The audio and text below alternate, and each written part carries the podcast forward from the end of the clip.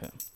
Vandaag hadden we Hein Wegdam te gast, eh, Head of Real Estate Finance bij ING. Hij is 37 jaar pas, dus ja, echt een frisse blik op de markt, eh, Guido. En dat is nodig, want ja, die rentes die stijgen de pan uit. Ja, en die stijgen als we de ECB mogen geloven nog wel even door. Dus we zitten voorlopig in deze situatie met dus hele hoge rentes, waardoor het dus steeds lastiger is voor ontwikkelaars en beleggers om die cijfers rond te rekenen. Ja, en je hoort ze links en rechts zeuren, Guido, die ontwikkelaars. Want net nu het begint te regenen, zou de bank eigenlijk de steunpilaar moeten zijn, maar het is degene die de paraplu weghaalt. Ja, dus in de vorm van een financiering die ze niet meer uitkeren of in ieder geval dat de rentes te hoog zijn.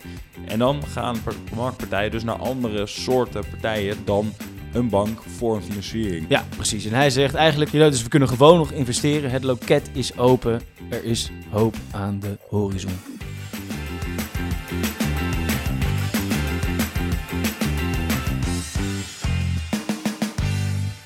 Goed, we gaan weer beginnen. We zitten in het Amrad Hotel aan het IJ, wederom in Amsterdam. Bij ons aangeschoven is Hein Wegdam. Jij bent hoofd real estate bij ING. Welkom. Ja, klopt. Dankjewel. Heel goed. Ja, en we willen eigenlijk meteen in de hele marktsituatie van dit moment duiken. De rentes van de ECB gaan omhoog, waardoor jullie rentes natuurlijk ook als een, als een gek stijgen. Ja, Daarnaast hebben we te maken met hele hoge bouwkosten. En eh, als gevolg van die rente gaan natuurlijk de waardes van het vastgoed omlaag.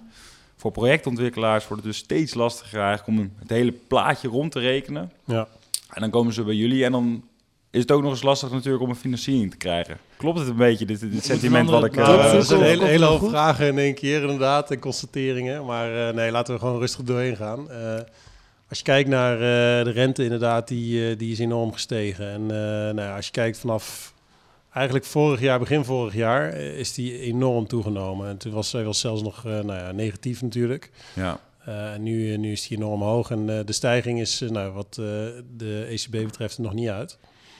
Eh, dus volgens mij, volgende week is er weer een, eh, een bijeenkomst van de ECB. Nou ja, de verwachting is ook dat die daar weer verhoogd zou worden. En de verwachting daarna is dat die ook nog een keertje verhoogd zou worden. Eh, en dat is natuurlijk allemaal de korte rente. ja, wat kan je eens even dat mechanisme uitleggen? Van, dus de ECB die maakt dus monetair beleid. Ja, Ja, daar... proberen nou, nou, in ieder geval vanwege die inflatie die aanhoudt. Hè, ook je ziet het in Zuid-Europa, wordt nog niet echt afgeremd. Nee. Eh, dus dan zie je dat ze die rente verhogen om te zorgen dat er eigenlijk minder investeringen gedaan worden. Nou, waardoor die inflatie weer wat, eh, wat normaler wordt.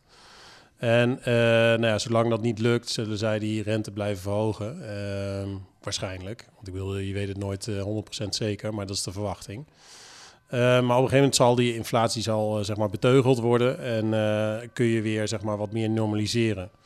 En de verwachting is dan ook, maar goed, ik heb geen glazen bol en niemand niet, maar in ieder geval dat is wat de economen nu zeggen, is dat ze verwachten dat volgend jaar, eind volgend jaar, dat die rente weer wat naar beneden zal gaan.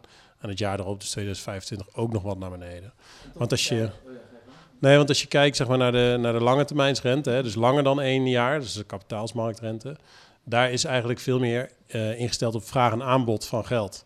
En daar zie je dat nu de bijvoorbeeld 10-jaars eh, rente, die ligt onder nou ja, de korte rente van bijvoorbeeld een jaar. En dat is natuurlijk wel gek, eh, maar dat is dus de verwachting, want het is vraag en aanbod, dat die rente op de lange termijn wel weer wat lager zou worden.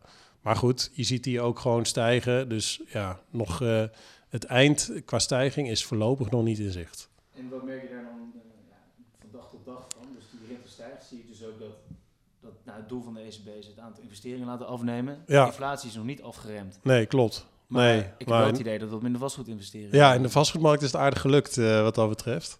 En eh, je, ziet, eh, je ziet dat... eh, ehm, nou, eigenlijk als je... eh, ehm, vorig jaar had je... Ik zeg altijd een beetje pre-MIPIM en daarna MIPIM. En als ik kijk, zeg maar, nou, voor ons eigen boek... Hè, want daar kan ik het beste voor spreken... eh, vorig jaar nog een heel goed, eh, goed productiejaar gedraaid. Dus we hebben echt heel veel productie gedraaid. Veel vastgoedleningen verstrekt. Dus niet alleen wat je, wat je verlengt, dus wat afloopt en wat je weer verlengt, maar juist ook nieuwe productie van klanten die eh, aankopen of nou ja, goed, nieuwe, nieuwe businessplannen opzetten. En eigenlijk zag je dat na de MIPIM zag je best wel wat vertraging in die markt komen. Want die rente ging omhoog en die kwam op een gegeven moment op dat niveau dat eigenlijk zag je bijvoorbeeld eh, pensioenfondsen die moesten hun balansen wat meer verkorten. Dus die moesten wat direct vastgoed kwijt. Had Wat dat te maken met, die, eh, met de dalende waardes van het vastgoed en obligaties en dat vastgoed? Nou, eigenlijk, ja, eigenlijk was het zo dat... eh, was dat toen al zo? Ja, Dat zag, je, dat zag je op dat moment gebeuren, dat die balansen wat meer verkort, verkort moesten worden. Dus je zag best wel wat transacties op de markt komen. Waardoor je, nou, voornamelijk woningpakketten wat we gezien hebben, die goed aangekocht konden worden. Nou, daar hebben onze, eh, de beleggers die ik bedien, dat is meer het eh, grootzakelijk eh, domein. Die hebben dat ook deels opgepakt en daardoor hebben we gewoon prima financiering kunnen verstrekken. Maar je ziet eigenlijk dat daarna is die rente eigenlijk nog verder doorgestegen, doorgestegen. En je ziet nu eigenlijk dat ja, de wal het schip keert en, en moeilijk is om nou ja, eigenlijk je, je som rond te rekenen. Ja. Omdat het nu eigenlijk niet eens meer op, eh, op waar, om waarde gaat. Dat is waarde ten opzichte van de, van de lening, dus de LTV. Maar het gaat meer om de betaalbaarheid. Dus eh, nou ja, de debt yield of de DSCR, de debt coverage ratio. Hier eh, ga je weer te hard hoor. Dit moet je nog even iets... eh, Ja, dus dat is eigenlijk zeg maar hoe vaak kan je, kan je vanuit jouw je inkomsten, hoe vaak kun je de rente en de aflossing betalen. En als dat natuurlijk onder de 1 is, dan betekent dat dat je ja, eigenlijk tekort komt. Als het boven is, dan is het prima. Ehm, maar dat remt eigenlijk de hoog- hoogte van de financiering. Want je hebt eigenlijk twee knoppen. De ene is de waarde en de andere is de cashflow. Maar die leen, de hoogte van de lening, die moet je betalen natuurlijk met je cashflow. En ja, ik denk dat nu zie je dus, en dat is anders dan de vorige crisis, dat er een enorme eh, eigenlijk eh, buffer zit in waarde. Die hebben we in de afgelopen jaren opgebouwd, de jarenlange stijging.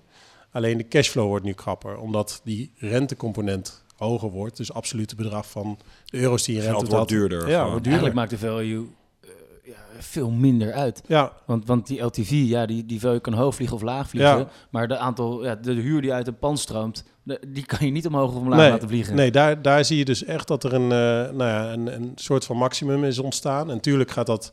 Hè, je ziet nu ook wel indexeringen, maar dat is vooral met, met commercieel vastgoed. Of ja, niet vooral, maar dat is ook voornamelijk commercieel vastgoed... dat ja. je dat goed kan doorrekenen. Maar je ziet dat bijvoorbeeld... Ja, je kan wel zeggen, ja, ik wil een LTV van 80% hebben... Maar ja, dan kan het zomaar zijn dat je gewoon eh, nou ja, eh, duizenden euro's tekort komt om überhaupt je rente en aflossing te voldoen. Hey, en je zegt dus, eh, nou, de MIPIM vorig jaar, 2022, was eigenlijk een soort keerpunt. Daarvoor was het Hosanna, de zon scheen. Ja, was net na corona een beetje, hè, dat iedereen Ja. weer gewoon positief erin stond en er zin in had. Ja, nou, toen kreeg je daarna ja, oorlog, Ja, Oekraïne. ja. En toen zag je ook die, vooral, vooral eigenlijk na de MIPIM zag ik heel erg afnemen van bouwaanvragen. Dus wij hebben natuurlijk, eh, want ik kom straks nog even terug op je punt met betrekking tot ontwikkelaars. Wij, wij zitten voornamelijk op eh, eh, ontwikkelende beleggers die voor hun eigen portefeuille ehm, eh, ontwikkelen en, en bouwen en, en beleggen. En daar zag je, daarvoor hadden we echt, nou, we hebben twee keer in de week hebben we een soort van kredietcomité. Waarin we kijken van oké, wat voor aanvragen komen er binnen en willen we die wel of niet doen en tegen welke voorwaarden. Eh, en daar zag je altijd heel veel bouwaanvragen binnenkomen. Gewoon een constante stroom van, eh, nou ja, er kwam altijd voldoende van binnen. Alleen zag je eigenlijk na die MIPIM dat die, die, die prijzen enorm van die bouw enorm gestegen waren. Waardoor dat is echt is afgenomen. Dus, kwamen dus dat ga je niet bouwen. ja, dus, dus dat maakt me ook, of ja, als je zeg maar maatschappelijk kijkt, baart me dat wel de meeste zorgen. Want ja, dat is natuurlijk wel de toevoeging van voorraad. En dat waren voornamelijk woningen. eh, en dat zie je nu wel echt een stuk minder geworden. Eigenlijk zou de bank een soort waarschuwingsfunctie daarin eh, misschien kunnen vertolken. Maar ik wil nog even terug naar... Kijk, na zo'n MIPIM, dan zie je inderdaad, nou, het droogt op. Hè, en als, als business zie je het aantal aanvragen afnemen. Ja, je zag vooral die waarde, waarde als eerste afnemen. Dus Nee, waar, maar jullie als bank. Dus Ja. puur als, vanuit bank, hè, jullie verdienmodel is natuurlijk... eh, Ja. je, schrijft leningen uit en nou, daar verdien je rente op. Nou, er zit een spread in. Dat is uiteindelijk de omzet waarop het bedrijf draait. Als ontwikkelaar of als belegger ja, ontwikkel je een gebouw... en die verkoop je en daar komt een bepaalde eh, cashflow uit... en dat is jouw omzet. En op het moment dat die omzet wegvalt bij een ontwikkelaar... Ja. Nou, dan is alle hens aan dek. Dan is het, eh, oké, we moeten creatiever gaan zijn. Misschien moeten we eh, wat meer risico nemen die richting op. Of moeten Ja. we juist eh, eh, eh, personeelsbestand wat kleiner maken. ja. Hoe gaat het bij zo'n grote bank? Is het dan ook van... Ja, we hebben natuurlijk rentecontracten. Hè? Dus je hebt een bepaalde voorraad van portefeuille en die rolt elk jaar door. En je ziet dat die, kijk, als wij niks doen, hè, stel dat er niks binnen zou komen, dan, dan loopt dat in zoveel jaar loopt dat eruit. Omdat die leningen, er wordt een reguliere aflossing betaald. Maar als er iets verkocht wordt, dan kan het ook zijn dat een lening wordt afgelost. Dus als je daar niet productie bijdraait, ja, dan loopt dat boek terug. Ehm, En, het stokt niet, zeg maar, de inkomsten. Nou, nee, ja, het is niet dat direct, natuurlijk. We, we monitoren heel scherp hè, van wat, eh, wat we in het boek hebben eh, en of dat goed gaat.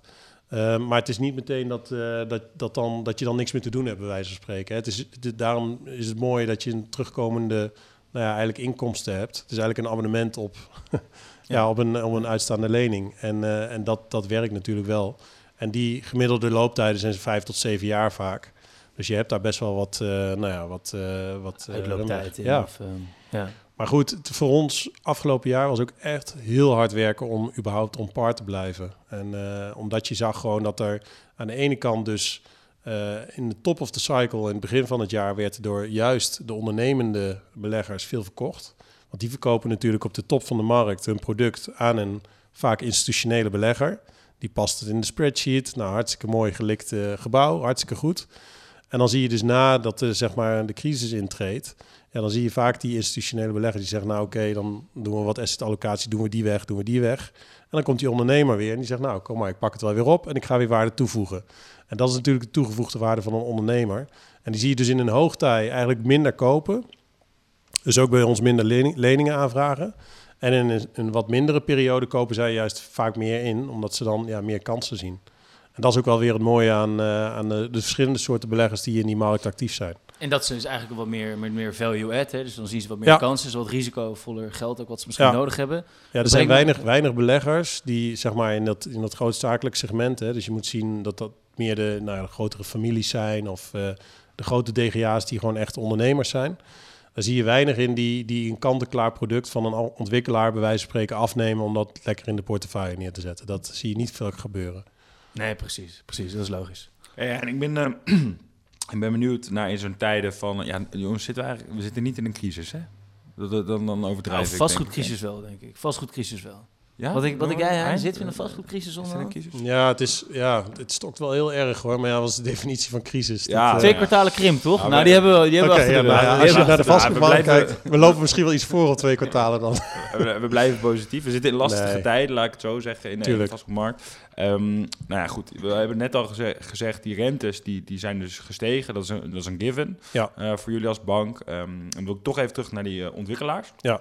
Die komen eigenlijk dus met een project aan. Ze hebben hun eigen eh, sheet ingevuld. En ze komen uiteindelijk natuurlijk bij zwarte cijfers aan. Mhm. bij jullie voor een financiering. Nou, die rente, laten we even zeggen dat dat dus een gegeven is dat geld al duurder is geworden Ja. om bij jullie te lenen. Uh, maar dan nemen jullie zo'n project in behandeling om te checken of het wel een verantwoorde investering is. Ja. Um, verandert ook jullie procedure daarom in economisch lastige tijden? Als in, gaan jullie dan misschien nog wat... Ons beleid. Ja, Ja, nee, ja. Ehm, moet ik even twee dingen eh, van tevoren aangeven? Want wij hebben eigenlijk vanaf 2008 doen wij heel weinig eh, ontwikkelingsfinancieringen. Dus we hebben als, als ING vrij weinig ontwikkelingsfinancieringen gedaan, omdat we eh, eh, in 2008 eh, was ING, had je ING Real Estate. Dat was wereldwijd een van de grootste vastgoedbedrijven. En er was leningen, eh, dus financieringen, ontwikkelen en investment management. Ja. Grootste wereld, toch? Ja, En toen hebben we investment management vanwege de crisis, hè, back to the, nou ja, de core, waar ben je goed in? Hebben we eigenlijk die investment management eh, en development activiteiten hebben we afgestoten. Dat moest ook, want ik bedoel, dat, eh, nou ja, we waren natuurlijk ook in, eh, in zwaar weer als, als ING. En toen hebben we ook eigenlijk gezegd van oké, die development eh eh ontwikkelfinancieringen, dat, dat, ja, daar, daar stoppen we ook mee. Omdat we daar zulke grote nou ja, scheuren mee in de broek hadden eh, opgelopen. Dat je Ja. zegt van nou oké, daar blijven we even weg van. Dat hebben we eigenlijk ook niet meer teruggepakt in, eh, in de, nou ja, in, eh, nadat die markt gekeerd is. Dus sowieso zitten wij veel minder in dat ontwikkelingsvlak. maar wat, als je kijkt naar, ehm, eh, we doen wel dingen, dus we doen wel bouwfinanciering, maar dan moet vaak de vergunning er wel zijn. Oké. Eh, En dan financieren we het gewoon voor, nou ja, dan, dan, dan doen we dat gewoon. Dus daar hebben we best wel veel van in de portefeuille zitten. Eh, maar als je vraagt over, scherpen jullie je beleid nou aan? Dat is niet heel erg, tuurlijk kijken we gewoon ja, kritisch wat er binnenkomt, maar dat deden we al. Dus, hè, dus we kijken gewoon kritisch van, oké, we hebben altijd gekozen voor, eh, wat is kwalitatief goed vastgoed? Dat willen we graag financieren. Omdat we natuurlijk ook zorg hebben te dragen voor nou ja, de spaarders die bij ons, uh, ons uh, eigenlijk geld uitlenen, wat wij weer in de markt wegzetten. Ja, en dus tegenwoordig waarschschijnlijk ESG een heel belangrijke component die daarbij ja. komt, uh, komt Ja, dat is, dat is al vanaf 2015 dat we daarmee bezig zijn. Maar we kijken gewoon, we, het is niet dat wij nu rigoureus de koers om hebben gegooid. Nee. Ons beleid is gewoon, we willen juist heel consistent in die markt zijn. Ook heel consistent voor die beleggers. En als beleggers bij ons komen, dan kijken we ook echt van, kunnen we het, kunnen we het doen? Alleen ja, die rente, die, die beweegt je wel in dat je dus eigenlijk minder leencapaciteit kan uitzetten voor, nou ja, goed, een aanvraag wat je in het verleden wel zou kunnen doen. Maar wordt dat ook zo gepercipieerd in de markt? Want ik, ik hoor op een borrel wel eens links en rechts van, ja, banken zijn een beetje als de paraplu die wordt weggehaald als het gaat regenen. Ja. Dus als de zon schijnt, ja, dan, dan willen ze het allemaal wel doen. Heb je ze nodig, hè, die, steun, die steunpilaar? Ja. Dan zegt nee, nee, retail doen we even niet nu uh, retail slecht gaat. Nee, of, ja, uh, ja, ik, die, die zou het eigenlijk nu even niet, uh, jongens. Nee, oké, okay, maar we, we, we, proberen wel, want kijk, je moet altijd kijken van wat heb je zelf in je boek, dus wat gebeurt er buiten. Nou ja, dat is dat, dat het best wel een negatief sentiment kan zijn. Maar als ik zeg maar naar ons boek kijk, ja, dan staat dat er echt heel goed voor. Dus er zit voldoende ruimte in, er zit voldoende cashflow in. Ik, ik zie geen enorme achterstanden in de betalingen ontstaan. Uh, ik zie geen huurders die, die massaal aan het omvallen zijn. Wat zijn eigenlijk die eerste Dus dat is, dat is eigenlijk het boek wat, wat, ja. wat goed staat. En ja, de, wij hebben dus geen reden om ons terug te trekken uit de markt. En wij willen dus juist ook heel consistent blijven. En we willen ook gewoon productie blijven draaien. Ik moet ook uit eigen ervaring zeggen dat, dat, dat ik nog wel merk dat BNG het loket open is hoor. Dus dat, ja. uh, ik, ik ervaar dat zelf niet zo. Ja. Maar je geeft aan van, ja, we merken nog niet dat er uh, wanbetalingen zijn of dat, uh, nee. of, of, dat er ja, faillissementen zijn. Maar goed, als dat gebeurt, is het natuurlijk al te laat. Jullie als bank zijn denk ik al. Ja, dat moet je zien aankomen. Wat ja. zijn eigenlijk dingen waar jullie naar kijken van, hé, hey, dat, dat kan wel eens misgaan? Ja, je hebt eh eh, covenanten, zoals dat heet. Dus eh, dat zijn leningconvenanten. En dan zeg je van oké, eh, dat, dat- dan heb je bepaalde eh, signalen waarop je gaat acteren. Dus je waardeert bijvoorbeeld een pand elk jaar. Of eh, je krijgt gewoon elk jaar of elk kwartaal de huurlijst eh, krijg je binnen. En als die dan bijvoorbeeld door een bepaalde eh, eh, lat of eh, threshold heen gaat. eh, als die daar doorheen gaat, dan zeg je van oké, nou dan gaan we met elkaar in gesprek. En dan is het niet meteen we eisen de lening op, maar dan ga je in gesprek van oké, hoe kunnen we dat repareren? Kun je bijvoorbeeld iets extra's betalen of aflossen? Of kun je iets extra's onderzetten? Of is er een situatie waardoor we het kunnen verbeteren? Of nou ja, noem maar op. En dan ga je al? kijken. Nee, ook nog niet. Nee, niet, niet significant toenemen. Geen nee. crisis dus. Nee, als ik dus bij, bij ons, dus als, nogmaals, als ik bij ons in de portefeuille kijk, zie ik geen crisis. Eh, als je naar buiten kijkt, dan, eh, ja, dan heb je wel de signalen dat het, eh, dat het wel een stuk minder gaat. Ja. Ja. En wat je dan vaak leest is, nou, als een verklaring hiervoor... Ja, het is ook anders dan de, de crisis toen wel na de GFC, na de Global Financial Crisis. Ja, Want toen waren de leverages allemaal heel hoog. Ja, dat klopt. Er veel meer risico in. ja, dat is nu natuurlijk eh, duidelijk anders. Hè? We zitten Ja. rond de 50, 60 procent. Of, Ja. of, of zoiets toch? nee, ja, die buffers die, die, die, kun je, ja, die hou je nu aan, ja. En, Maar goed, je, je financiert wel hoger. Maar je ziet dus door de laatste jaren die, die, die, die upside van die markt, die prijzen zijn zo omhoog gegaan. Ja, daar, zit, daar is gewoon een enorme buffer in gekomen. Ook al deed je niks, bij wijze van spreken, als belegger. En als je nog een keer aan het ondernemen was, dan had je nog een keer de extra upside. Eh, dus ja, die buffers die zijn gewoon aangelegd. Eh, ja, wat dat betreft is dat, dat prima natuurlijk. ja. Want dan kun je ook een stootje opvangen. Ja, en dit is misschien een moeilijke vraag, maar ik, de- je hebt dat gezegde van je wordt altijd gebeten door de slang die je niet ziet. Mhm. Nou, de slang die we wel zien, dat is inderdaad die hoge LTV's, eh, die risico's die we hebben genomen Ja, in de, in de Global Financial Crisis en de nasleep daarvan. ja, Maar als we dan, nou die slang, die hebben we nu gezien, dus die gaat ons niet meer bijten. nee. En als we dan nu proberen te bedenken aan tafel, van nou, wat zijn dan mogelijke oorzaken die we nu nog niet zien, die het nieuwe systeemrisico gaan volgen? Heb je, Ja. eh, begrijp je de... Ik snap je gedachten. En eh, ja, er zijn, dan, dan moet je meer, denk ik, naar de meer eh, de grotere, grotere trends eh, kijken. En eh, nou ja, natuurlijk een hele belangrijke op dit moment is natuurlijk eh, de woningcrisis. Dus dat is, dat is wel een redelijk eh giftig. Woningtekort bedoel je dan? Ja, woningtekort ja. inderdaad. En dus dat is eigenlijk waarvan je zegt van we zien al minder bouwaanvragen. Ja. Dus dat is dan eigenlijk En een gaat- indirect gevolg Ja. van... Ja. Maar goed, dat is meer een maatschappelijk eh, beet van een slang dan, laat ik het zo zeggen. Dus dat, is, dat gaat maatschappelijk een impact hebben. Maar ik denk, de, de, wat men nog niet inschat, is de, de, het effect wat er gaat komen van eh, sustainability maatregelen. En dat is niet van dat we even een label op een, eh, op een pand plakken. Maar dat is gewoon het effect wat gaat dooreilen in wat, voor wat je huurder gaat betalen aan, aan stookkosten. Wat je zelf gaat moeten rapporteren aan, aan, aan regelgevers ook als, als vastgoedbelegger op het gebied van duurzaamheid. Ja, volgens mij heb je nu geloof ik al uh, kantoorhuurders die meer betalen aan stookkosten dan ze aan huur betalen. Nou ja, dat zou best kunnen, ja. ja. Maar daar gaat dus nog een keertje bovenop komen. Dat daar gewoon bovenop energielasten gaat nog een CO2-tax komen. En dat Ja. gaat ook vanuit Europa komen. En als je daarmee nagaat dat je bijvoorbeeld al voor een simpel appartementje van 90 vierkante meter...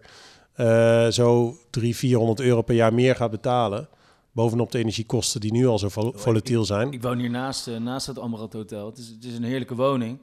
Alleen het is 250 euro stookkosten. Ja, In mijn eentje. bizar hè? ja, in de maand dan hè? Ja, in de maand. Ja. Ja. Ja, voor- voor de helderheid. Nee, nee, nee, maar dat is, dat is echt wel extreem. En als je dan over eh, grotere vierkante meters, ja, dat, dat, ik vraag me af of we dat eh, eh, zeg maar doorhebben met elkaar. En dat is niet alleen dan bijvoorbeeld aan de CO2-tax, maar ook als je kijkt naar eh, kapitaalsallocatie. Dus waar kunnen eh, banken hun geld in, eh, in wegzetten en waar moeten ze kapitaal van aanhouden? Dan ga je gewoon krijgen dat je ehm, op een gegeven moment kan het zo zijn dat je een keuze moet gaan maken van oké, we gaan iets in een groen project steken of we gaan iets in een niet groen project steken. Want we moeten bijvoorbeeld, en dat is er nog niet, maar ik bedoel, dat zijn wel dingen, eh, het begint altijd met filosofie, maar ja. dan ga je op een gegeven moment krijgen dat je meer kapitaal moet aanhouden op een, nou, laten we zeggen, een grijs project of een niet groen project, in plaats van op een groen project. Nou ja, waar stop je dan je geld in? Ja, in het groene project. En hoe ehm, monitoren jullie dat eigenlijk? Zeg maar, ik kan me voorstellen inderdaad als je gewoon label A tegenover G ziet, dan is het een duidelijk verhaal. Ja, Maar ik vraag me altijd af, ehm, kijk, hoe groot is jouw team bijvoorbeeld in, eh, bij ING? we hebben eh, ja, iets meer dan 200 man zitten. Iets meer dan 200 man. Ja. Ja. dat is wel echt. En hoeveel aanvragen krijg je bijvoorbeeld binnen in, in, op jaarbasis? Is dat lastig te zeggen? Ja, dat is lastig te zeggen, maar dat zijn eh, ja, enkele honderden, ja. Ja. Ja. Dus dan vind ik het best wel, je moet geloof ik met zoveel dingen rekening houden Ja. in een aanvraag van, nou, laten we zeggen, inderdaad een eh, ontwikkelende belegger die met een, met een bouwaanvraag komt. Ja, Hoe zorg je eigenlijk dat je al die expertise in huis hebt en het op waarde schat? Want ja, Mats en ik werken bij een ontwikkelaar. Op elk punt wordt wel een adviseur bijgehaald of we hebben het intern. ja. En En dan, jullie misschien, eh, we weten dat allemaal. ja, nee, maar dan, nou, dan komt het hele pakket bij jullie eh, terecht en dan moet er inderdaad nog financiering komen. ja. Hoe zorgen jullie nou dat jullie de, de juiste analyse maken op, in, in, in een vrij korte tijd, geloof ik altijd? Nou ja, dat, dat is wel een goede, goede vraag en eh, dat wordt alleen maar meer. Hè? Dus eh, eh, in 2011 eh, begon ik bij ING en toen hadden we taxaties en dat was gewoon een one-pager. En er stond dan, nou als je geluk had, stond er nog een plaatje van het gebouw op. Maar dat was veel meer rigide dan dat nu is. En nu zijn totale nou ja, afstudeerscripties bij wijze van spreken geworden. Eh, die je dus eigenlijk ook helemaal geacht bent om helemaal door te akkeren. Nou ja, dat is. Dus je moet veel meer. Je hebt De eigenlijk taxaties die jullie krijgen dan? ja, ja, ja, ja, van het gebouw te financieren. En eh, die, dat, dat, zijn, eh, dat is zoveel data geworden, dus dat kun je onmogelijk allemaal doorlezen. Ja, misschien als we met 1600 man gaan zitten, dan krijg je dat voor elkaar, maar Ja, dat kan Je moet alle KYC-checks uitvoeren, Guido. Die, Nou, die heb je ook nog inderdaad, dus daar moeten we ook nog naar kijken. Dat moeten we ook heel streng monitoren. Maar wat, wat belangrijk is, is A, dat het begint met kennis. Dus je moet echt kennis, mensen hebben met kennis van die vastgoedmarkt. En dat je volledige focus hebt op die markt. Want het is een hele aparte markt. Het is gewoon ja, een andere dynamiek dan dat je bijvoorbeeld een bedrijfsfinanciering verstrekt. Eh, en B is dat je, dat je ook moet zorgen dat je ehm, eh, enorm die data gaat, voor je gaat laten werken. Dus wat je vaak ziet Dat is moet je dat... uitleggen. Ja. wat je vaak ziet is dat mensen eh, lopen, eh, dan wordt er bijvoorbeeld iets van de regelgever gevraagd. Hè? Regelgever, even DNB of vanuit de ECB, van lever dit op, hoeveel, ik zeg maar wat, labels heb je in de portefeuille. Nou, dan kan je dan denken, shit, die vraag die had ik niet zien aankomen. Ik moet alle labels, moet ik nu in één keer bij mijn klanten gaan opvragen, of wat voor manier dan ook. Maar je kunt ook al vooruit proberen te denken van wat gaan ze vragen. Want je weet dat bepaalde vragen gaan komen. Die labelvraag, die had je zien aan kunnen, of, eh, kunnen zien komen. En wij proberen zeg maar, die data die we hebben continu aan te vullen. Dus van elk gebouw dat we financieren, begint al bij ons bij het object. Dus we hebben altijd gewoon het object is het allerbelangrijkst. En daar verzamelen we data omheen. En van elk gebouw dat wij financieren, ja, hebben we meer dan nou, 50 tot 100 eh, datapunten. Alleen al op eh, energiegebruik. eh, Ja. eh, hoe kun je verbeteren? Wat kost het om te verbeteren? Eh, welk label is het nu? Wat is het potentiële label? En op die manier kun je dus heel veel zeg maar data voor je gaan laten werken. Nou, wat doe je met die data? Daar hebben we een, eh, drie, vier jaar geleden hebben we daarop ingezet. is eh, zorgen we dat we modellen bouwen. Dus dat zijn slimme modellen op basis van AI. En die kijken naar bijvoorbeeld reviews die we elke jaar moeten doen van een, van een financiering. Dus bijvoorbeeld, jij komt bij mij en je zegt: Oké, ik wil graag een financiering hebben voor dit gebouw. Dan zeggen we: Oké, nou prima, je krijgt een financiering, doen we een hele analyse. En dan moeten we elk jaar moeten we dat reviewen, zonder dat er iets gebeurt. Hè. Jij levert je huurlijstje netjes aan, alle gegevens die we vragen. En dan dan zetten we er een stempel op. Oké, het klopt allemaal. We moeten dat helemaal die analyse doen. En dan hangen we het weer terug in de kast zonder dat er iets is gebeurd. Ja. Dat is eigenlijk vrij... Nou ja, goed, het is nodig omdat je moet monitoren. Maar dat kan natuurlijk slimmer. Dus wat we gedaan hebben is, we hebben modellen gebouwd die eigenlijk voor ons gaan werken. En die nu 85% van al die files die we hebben, jaarlijks of eigenlijk dagelijks kunnen monitoren als je dat zou willen.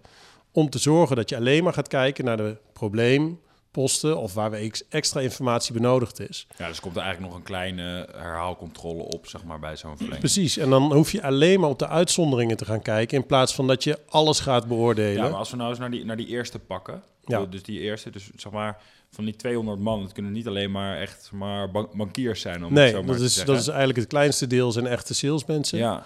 En dan zit er een heel groot deel meer in de operatie, dus het uh, uh, behandelen van nou ja, uh, de, de exposés die we moeten schrijven, de informatie die we opvragen bij de, bij de eigenaar. Maar ook de taxaties die uit moeten, gezet moeten worden. Een KYC-team die je hebt, dus die naar Know Your Customer, naar klantinformatie kijkt. En bijvoorbeeld gewoon technische risico's, worden die ook ingeschat? Of? Ja, dat, uh, ja, die hebben we ook. Is dat, maar is dat allemaal intern dus? Ja. Dus eigenlijk ja. dus voor een... We hebben een heel, heel data- en evaluation team en die kijken zeg maar gewoon allemaal naar technische gebouwen, elementen, kenmerken. Ja. ja, dus jullie gaan niet per aanvraag dat er nog een externe adviseur voor iets wordt nee, bijgehaald? in principe eigenlijk. hebben we het meeste wel, wel in huis en, en vaak heeft, uh, nou ja, zoals je zelf ook al zegt, de, de aanvrager of de, de, de ondernemer zelf ook al die analyse gedaan, waar je deels ook op kan varen natuurlijk. Ja. En het is niet dat je daar allerlei second opinions uh, gaat, uh, nee, gaat nee, nee, vragen. Nee. Oké, okay, oké. Okay. Het doet me ergens denken, één, het is van, jezus, wat een werk allemaal met, met veel mensen. Maar ook dat het eigenlijk best wel professioneel naar zo'n financiering wordt gekeken. Ja, heel en, professioneel. Ja. Nee, nee, nee, maar dat is zo, nee, meen ik oprecht. Want het is ook echt je ziet ook dat, um, uh, dat is ook wel een kentering geweest in de, de nou laat ik zeggen, die, die afgelopen twaalf jaar dat ik daar werk. Dat je, toen ik begon, toen had je nog wel eens, inderdaad, kreeg je handgeschreven huurlijsten, handgeschreven huurupdates van sommige beleggers. Ja, dat kan je nu niet meer. met huurcontract. Nou, dat, ja, precies, die inderdaad. Nou ja, dat kun je nu niet meer uh, voorstellen. En nu is het allemaal gewoon super professioneel. Dus de omslag van een vastgoedbelegger die een pandje kocht, een huurder erin had zitten en lekker achterover ging zitten en een sigaar opstak. Dat zijn nu echte professionele organisaties geworden en aan het worden. Dus je ziet die, die omslag ook enorm gemaakt uh, nee, dat denk ik en dat is wel gaaf om te zien. Dat, waar ik eigenlijk ook naartoe wil is, je ziet echt een opkomst van uh, nou, de zogenaamde debt funds. Jij, mag zo meteen een, uh, wat is het, aapmeescode, wat is dat? Aapnootmies. taal uitleggen wat, wat dat nou precies is. Maar in ieder geval ja, ook partijen als mogelijk.nl, ja. die overal reclame maken. Die duiken in die vastgoedfinancieringsmarkt. Ja. Die lopen heel agressief. Hè, agressieve marketing, heel snel portefeuille op te bouwen. Klopt. En ik vraag me wel eens af van ja, ik weet 100% zeker dat die niet zo'n team hebben zitten als bij ING. En die pakken nou juist de risicofinancieringen waarvan ING zegt nou, dit gaan we niet doen. Ja. Is het niet een enorm risico? Um, nou, ik denk dat het, dat het een deel aanvult in de markt. Want er is natuurlijk ook een behoefte. Hè? Je zegt terecht van oké, ja, jullie doen geen ontwikkelingen financieren, uh, financieringen, verstrekken jullie. Ja, daar is natuurlijk ook een reden voor. Omdat wij zeg maar juist op het wat lagere risicosegment zitten, kunnen wij dat niet doen. Maar er zijn natuurlijk wel uh, partijen die dat risico wel aan willen, maar daar moet je wel voor betalen. Dus daar zit die verhouding heel erg tussen. En die zijn niet gebonden bijvoorbeeld aan ja, de DNB of aan de ECB die daar uh, eisen aan stellen. Uh, waardoor je eigenlijk, dat is veel meer een platform waar vraag en aanbod bij elkaar gebracht worden. Uh, en ook echt tot stand komt. Want het is niet zo als jij als spaarder geld bij ons op de, op de spaarrekening zet, dat je zegt, nou, ik wil uh, mijn, mijn spaargeld daarin dat project geallokeerd hebben. Nee, dat is veel Mats, meer. Als Mats en Guido de projecten down the drain gaan, dat dan Precies. met zijn rekening in problemen komt. Nee, niet zo. nee dus, en die verantwoordelijkheid hebben we natuurlijk ook is voor... Is dat mogelijk wel zo? nou ja, als je als belegger daar natuurlijk in investeert... Uh, en dat, zeg maar. Ja, aan de achterkant. Dus je geeft je geld om in een bepaalde lening te stoppen. Ja, dan als, die lening, als dat misgaat, ja, dan gaat dat ook voor die investeerder die dat geld uitleent, gaat dat dus ook mis. En dan ben je niet geborgd door, uh, ja, ik weet niet precies wat de constructie bij hun is, maar in principe ben je dan niet geborgd. Zij faciliteren in plaats van dat zij zeg maar de, nou ja, uh, de, de lening op hun, hun boek nemen. En wij nemen die lening wel op ons boek. Ja, wat, wat, wat voor risico's zie je daarin? Ja, het, misschien zijn ze wel heel... Ja, weet je, kijk... Als je maatschappelijke poortwachter weer even bedoel je het? Ja, ja. ja zo'n politicus. Uh. Ja, nou ja, kijk, als je... Ik bedoel, die, die, uh, uh, wat je vaak bij dat soort fondsen nu ziet... is dat die rente gewoon zo hoog worden. want die investeerder die daarachter zit... die vergelijkt altijd wat krijg ik op een staatsobligatie... en die zet daar een risicospread op. Nou, die staatsobligaties gaan ook omhoog. Net zoals de, nou ja, de kapitaalsmarktrente. dus die rentes die worden daar ook steeds hoger. Dus de vraag... het overigens. Hè? Ze zeggen dat de spread tussen grootbanken en die debt funds juist kleiner is geworden en dat ze daar. Ja, het zal, het zal iets, maar dat is ja, dat is een kwestie van tijd misschien. Maar goed, uh, dat is natuurlijk ook het geld wat je al ingekocht hebt en wat je nog uit moet zetten. Dus er kan ook een bepaalde vertraging in zitten. Um, maar ja, dat, dat kan op een gegeven moment wel uh, een, uh, het, wal, de val, het schip kan gaan keren. dat, ja, dat die eigenlijk hun geld niet meer weg kunnen zetten. Maar goed, ik bedoel, ja, er zijn ook projecten waar je dat geld nodig hebt uh, als, uh, als belegger en als ontwikkelaar. Dus ik denk dat het ook wel weer ja, goed is dat het er is. Alleen ja, het is het rendement hoort ook bij het risico wat er genomen wordt. Ja, precies. En dat moet je wel heel goed. Uh, dus kijk, je kunt wel zeggen van oké, ik neem een financiering tot 90%. Maar ja, als jij een maand te lang zit met dat object. En je ziet nu dat in de afgelopen maanden is die, zijn sommige prijzen met 20, 30% gedaald. Ja, dan heb je wel een probleem. En dan is het niet meer zo vanzelfsprekend dat je je geld terugkrijgt. Dus ja, dus de, aan, het, aan, het, aan het rendement wat je eruit haalt zit ook zeker een risico. Ja, eigenlijk is het wat dat betreft misschien wel gezond dat de rentes uh, weer een beetje stijgen. Want dan weet je, geld is niet gratis, risico is niet gratis. Nee, dat weet klopt. Dat, weet dat dat toeneemt. Ja. Nog één ding over, uh, over grootbanken. Uh, Servaas van der Laan, onze, onze broodman van Vastgoedmarkt, die... Uh, hoofdredacteur, hè? Hoofdredacteur. Oh nee, de broodmansmaatcheck ja. inderdaad. Nou ja, broekzak, vestzak. Ik wou zeggen, de een die moet de andere succesvol maken natuurlijk. die had een interview in, in Vastgoedmarkt laatst met Roel van der Beeld. ja. Met je jouw even knie bij, Zeker. bij Rabo. Die, die net is gestopt en die gaf eigenlijk aan van... Naast al die KYC-checks ja. de banken nog een soort poortwachtersrol uh, vertolken. En hij had het erover van, ja, we krijgen al die, uh, die middenhuurregulering natuurlijk en meer huurregulering. En wij hebben inzicht in de huurlijst en weten Ja. welke woning sociaal is of niet. Dus laat ons het nou controleren. Dacht jij van, ja, lekker, neem nog twintig man Nou, aan, ik weet niet helemaal. doen, Ik, heb toevallig Roel eh, spreek ik regelmatig in, in eh, de Nederlandse Vereniging van Bankenverband. Hè. Dan zit je met de grootbanken eh, bij elkaar en dan kijk je van oké, wat zijn de dynamieken in de markt en ja, wat vinden we daarvan? Eh, en dat is op zich best wel een mooi, eh, of dat is eigenlijk een heel mooi platform om met elkaar te kunnen overleggen. Ehm, maar eh, het is niet zo dat hij zegt van oké, we willen die, wij willen dat gaan controleren. Hij zegt we hebben ook een functie om te kijken van oké, wat vinden we daarvan? Dus vinden we als wij in, eh, nou, een appartement van 30 vierkante meter zien en daar wordt eh 2500 euro aan huur gevraagd, ja, vinden we dat acceptabel? En daar moet je wel wat van vinden natuurlijk als banker. Dus je, Waarom natuurlijk? Nou ja, ik vind dat je daar ook wel een maatschappelijke rol in hebt te nemen. Je kunt wel zeggen, nou oké, ja, het wordt betaald en we kijken er niet meer naar. Maar ik bedoel, je hebt ook wel een verantwoordelijk van, hey, vinden we dit acceptabel? En daar kun je natuurlijk wel in een bepaalde range zitten van, oké, wat vinden we dan acceptabel? En je, je moet helemaal niet gaan voorschrijven, want ik ben echt, eh, nou laat ik zeggen, anti-regulering. Ehm, dus je moet niet gaan voorschrijven wat de huren moeten zijn, maar je moet wel gaan kijken van, klopt het met, nou ja, wat daar geleverd wordt aan product? Uh, en dat is goed verhuurderschap. Uh, en daar moet je gewoon zorgen van, oké, die woning die verhuurd wordt, uh, voldoet die ook echt gewoon aan de kwaliteit dat je mag verwachten voor als je zo'n prijs betaalt. En ligt dat niet, is dat niet een ja, gebruik maken van de schaarste in de markt, waardoor de excessen ontstaan. Want dat zie je nu ook met, met regulering. Ja, daar wordt nu beleid gemaakt op excessen in de markt. En ik zou zeggen, zorg dat je een nou ja, een gezonde markt creëert door toevoegen van wonen. Misschien komen we er zo nog wel op hoor. Maar toevoegen van wonen en ga excessen hard aanpakken. Waar uh, ja, 20 uh, gastarbeiders in een appartementje van 50. Ja, Ja. dat moet je niet doen. Maar dat vindt ook niemand. Maar dat is niet representatief voor die vastgoedmarkt. Dat is ook echt niet het geval. En dat Niemand stigma wordt nu zo... inderdaad. Nee, precies. Dat is niemand mee oneens. En dat wordt nu zo neergezet alsof dat vertegenwoordiging is van de hele vastgoedmarkt. Dat is echt heel erg verkeerd. En dat vind ik wel ja, heel kwalijk eigenlijk. Eh, maar goed, we moeten er wel voor zorgen dat eh, we hebben ook de verantwoordelijkheid om te kijken van oké, wat financieren we? Zelfs als dat we kijken van oké, wat is de belegger die erachter zit? Waar komen zijn geldstromen vandaan? Is dat allemaal niet crimineel?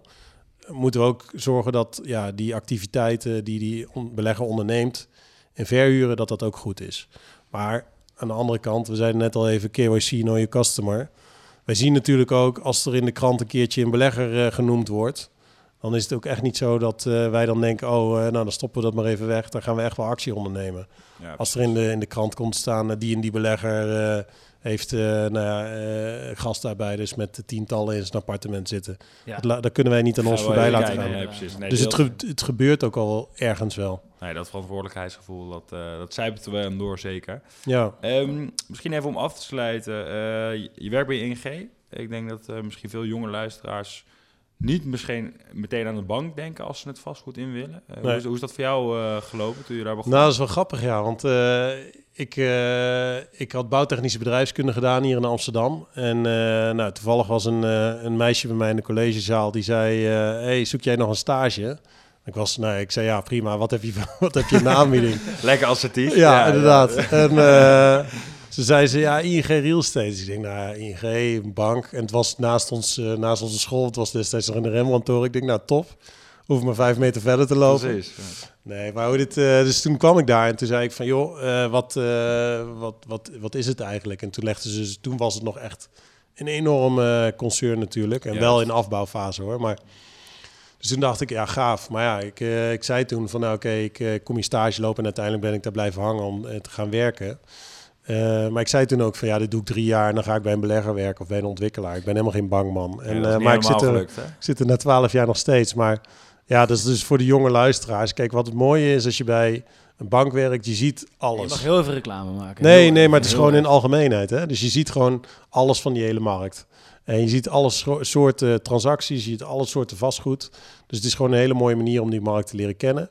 Plus dat je een heel divers aanbod hebt van, ja, je kunt dus in de sales, maar je kunt, ja, ik heb ook een IT-teams heb ik onder me zitten die alleen maar aan, eh, aan eh, slimme eh, AI-modellen aan het werken zijn. Dus de diversiteit is echt enorm en dat is wel ja, gaaf en een hele mooie kans. Dus dat heeft me eigenlijk gezorgd dat ik ja, bij die bank gebleven ben tot waar ik nu ben. En ja, Hey, en ik ben jou wel eens eerder tegengekomen bij, op een avond eh, door Fresh georganiseerd. Volgens mij eh, Fresh Career of zoiets was het. eh ken jij Fresh? Nee. onze, onze trotse, Oude onze sponsor. losse wieg natuurlijk, oude sponsor. Maar eh, worden ze toch nog genoemd? Worden Zeker, ze toch nog zeker. genoemd, terecht. Ehm nou, in Mooie ieder geval, we hadden daar een avond, een Fresh Career was het. En, en jij, jij zat in het panel. En toen kreeg je ook op een gegeven moment de vraag van... Nou, eh Hein, hoe is het dan bij jou gegaan? En hoe ben je eigenlijk zo snel op zo'n extreem hoge positie... op zo'n extreem jonge leeftijd terechtgekomen? ja, En toen vertelde jij van, nou ja, ik, ik, ik, ik, werkte gewoon echt keihard, keihard. En eh, je, je had een bepaalde job en daar had je bepaalde verantwoordelijkheden bij. En je wilde eigenlijk sneller promotie maken dan, eh, dan eigenlijk kon. Ja. Nee, maar dan blijf ik gewoon doen wat ik nu doe. ja, Maar dan ga ik ook alvast een beetje doen eh, wat ik daar doe. En als ik dan mijn werk wat ik echt af moet hebben, daar op tekort schiet, laat me vooral weten. Dan ga ik Ja. dat doen. Alleen dat die manier eigenlijk van, van ambitie heel erg wordt gewaardeerd. En dat je daar een vol door kon stoten. ja. En ik, ik hoorde dat. Ik dacht van, nou, heel mooi, leuk verhaal. Hoe kan dat bij ING? ja, nou ja, goed. Ja, het Dat zal ook, het zal ook, bank-imago. weet Maar dus wat is Nou, het ja. precies het verhaal? Je ging s'avonds Ja, nog ja, extra ja. dingen doen. nee, ja, wat ik, ik bedoel, als je, wat ik altijd zeg, als je wat je doet, de job die je doet, die moet je gewoon extreem goed doen. En dan heb je dat in ieder geval geregeld en dan kun je gaan investeren in, in, in morgen, zeg maar. En je moet juist niet gaan kijken van, oké, ja, waar kan ik nu naartoe groeien? Maar je moet kijken van, wat zijn je uitdagingen, wat vind je leuk? En wat, waar kun je dus extra energie van krijgen en waar kun je dus ook extra energie insteken? En daar moet je gewoon tijd in steken. Dus nou ja, toen ik, eh, toen ik accountmanager was, dan doe je meer de binnendienst, zeg maar. En dan schrijf je verhalen en, en krediet eh, voorstellen.